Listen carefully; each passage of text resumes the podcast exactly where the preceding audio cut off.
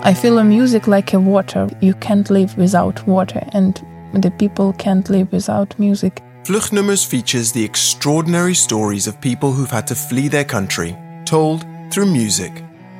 Which songs gave them courage during difficult moments on their journey, and the confidence to build a new life in a new country? I'm Ikenna Azuike, and this is Vluchtnummers. Anastasia's life is all about music.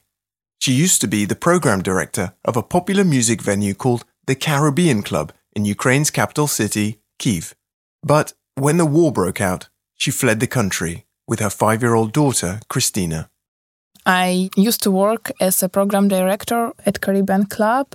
I uh, married in club. My daughter was born in club. I divorced and worked at the club.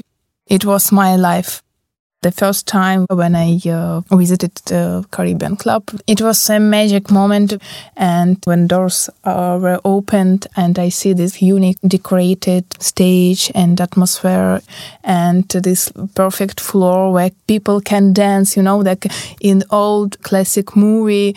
I started to think that I would like to, to stay here. I would like to work here. Anastasia gets her dream job and starts booking artists at the club and there's one show that she'll never forget. It was the show of Ani Kodoridze. She was performing Gia Kancheli, it's a very famous composer from Georgia.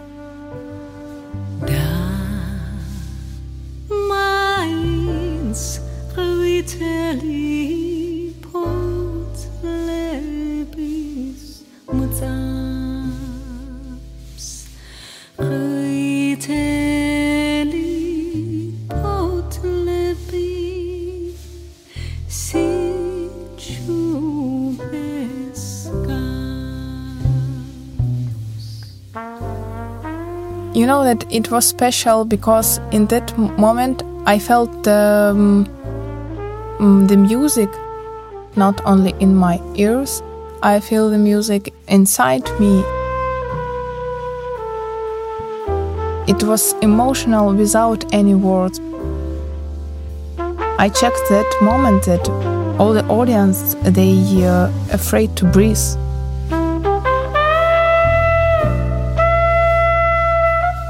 It was my first time when I listened how quiet sounds. That silence has a sound.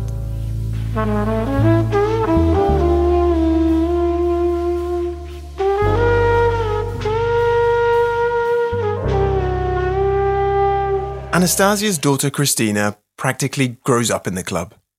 The staff is like extended family to her, and she loves watching different musicians perform on stage. My daughter Kristina, she is five years old and she spent uh, all her five years in music venue with me.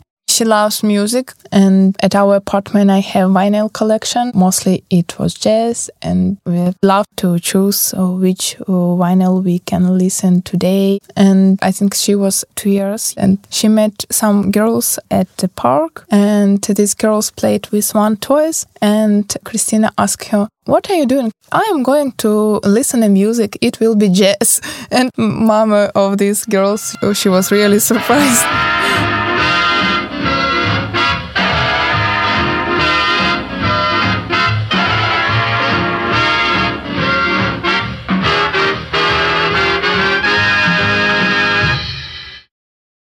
It was in the morning. It started when uh, I heard the first bombs. I took passports and warm clothes for Kristina.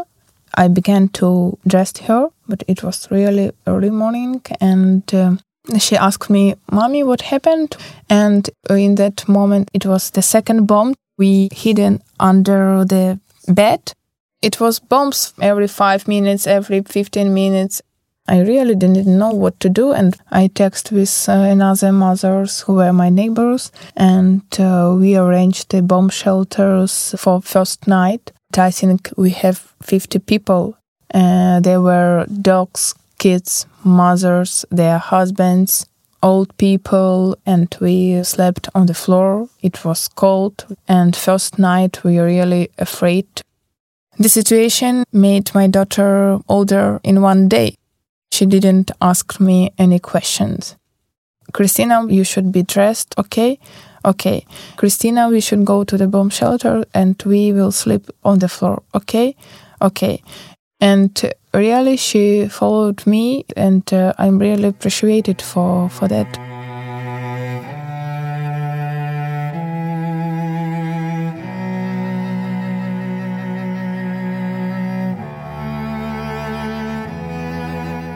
We didn't have any safe place in Ukraine, but we were going to the grandfather of Kristina. He lives far from Kiev.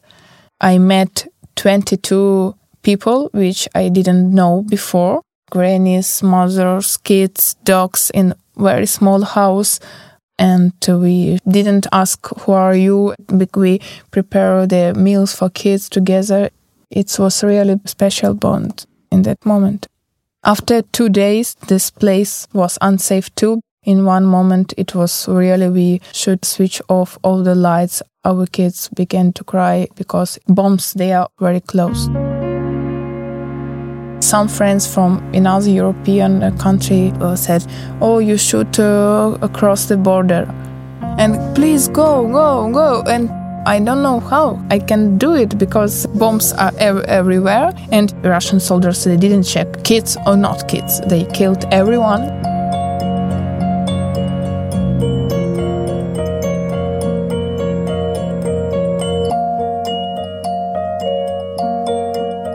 In the end, after four days, we stopped in the west of Ukraine, close to the border. I was really surprised that Ukrainian uh, men they are so brave without any guns, without anything, is protecting our land home.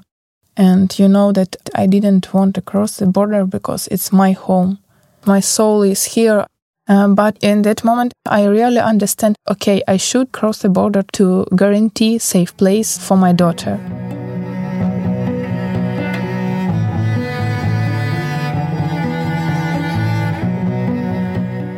Anastasia and her daughter Kristina reach the Netherlands, and she's determined to keep herself busy.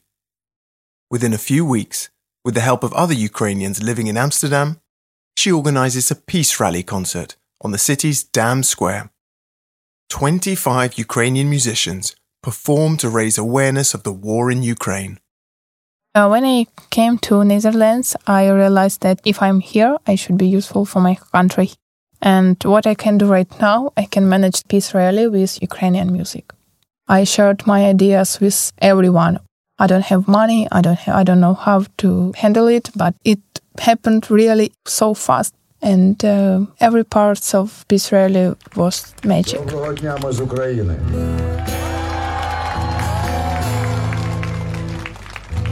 Ой, чий то кінь стоїть In first part of Peace Rally, uh, we had emotional songs where people uh, feel uh, their pain with music.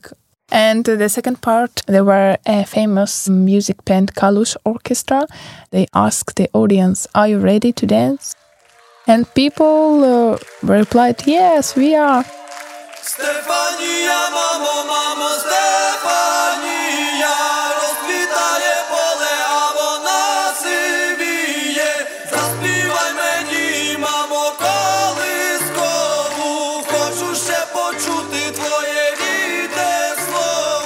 In this moment, people were dancing, and the song Stefania uh, brought the good mood to this press rally that we are still alive, we can smile, we can laugh, we can dance, and we we should do it. To be in tears all the time is it's not life. One song in particular has become the anthem of the war, a Ukrainian folk song. When a well-known Ukrainian rock star turned soldier posted a video of himself singing the folk song in the empty streets of Kiev, the song went viral. Ой, у лузі червона калина похилилася. Чогось наша славна Україна зажурилася, а ми тую червону калину А ми нашу славну Україну хе-хе розвеселимо. There were millions of views of this video, and it became an anthem of war. You can ask everyone, every Ukrainian kid, and they can sing it. This song is about uh, Ukrainian mood right now that we are strong, we are brave, we are together, we are Ukrainians, and it's our spirit. My daughter also likes the songs, and when we cycle after the school, we sing together Червона Калина. А ми нашу славну Україну гей, гей, розвеселимо. And uh, this hey hey, we cried uh, louder, you know, that's like a, some little Ukrainian spirit in the streets in Haarlem in the Netherlands. The power of the music is really more than we can imagine. The power of music. That's exactly the reason why Anastasia is already creating her next peace rally in The Hague. I feel a music like a water. You can't live without water, and the people can't live without music. But um, in the whole, to be honest, it's also not easy time. Hmm, but when you compare some uh, with some families from Mariupol or for Bucha, for some who lost their parents, it's okay. I'm good, Nastya. Please uh, be strong, and uh, everything is very good. You're okay. Your kid is okay, and uh, I try to find some hope. The war is horrible. It doesn't depend where it happened. My dream is that our kids they shouldn't know what the war is and how it looks. The peace, the peace is the main thing what the people need on the planet.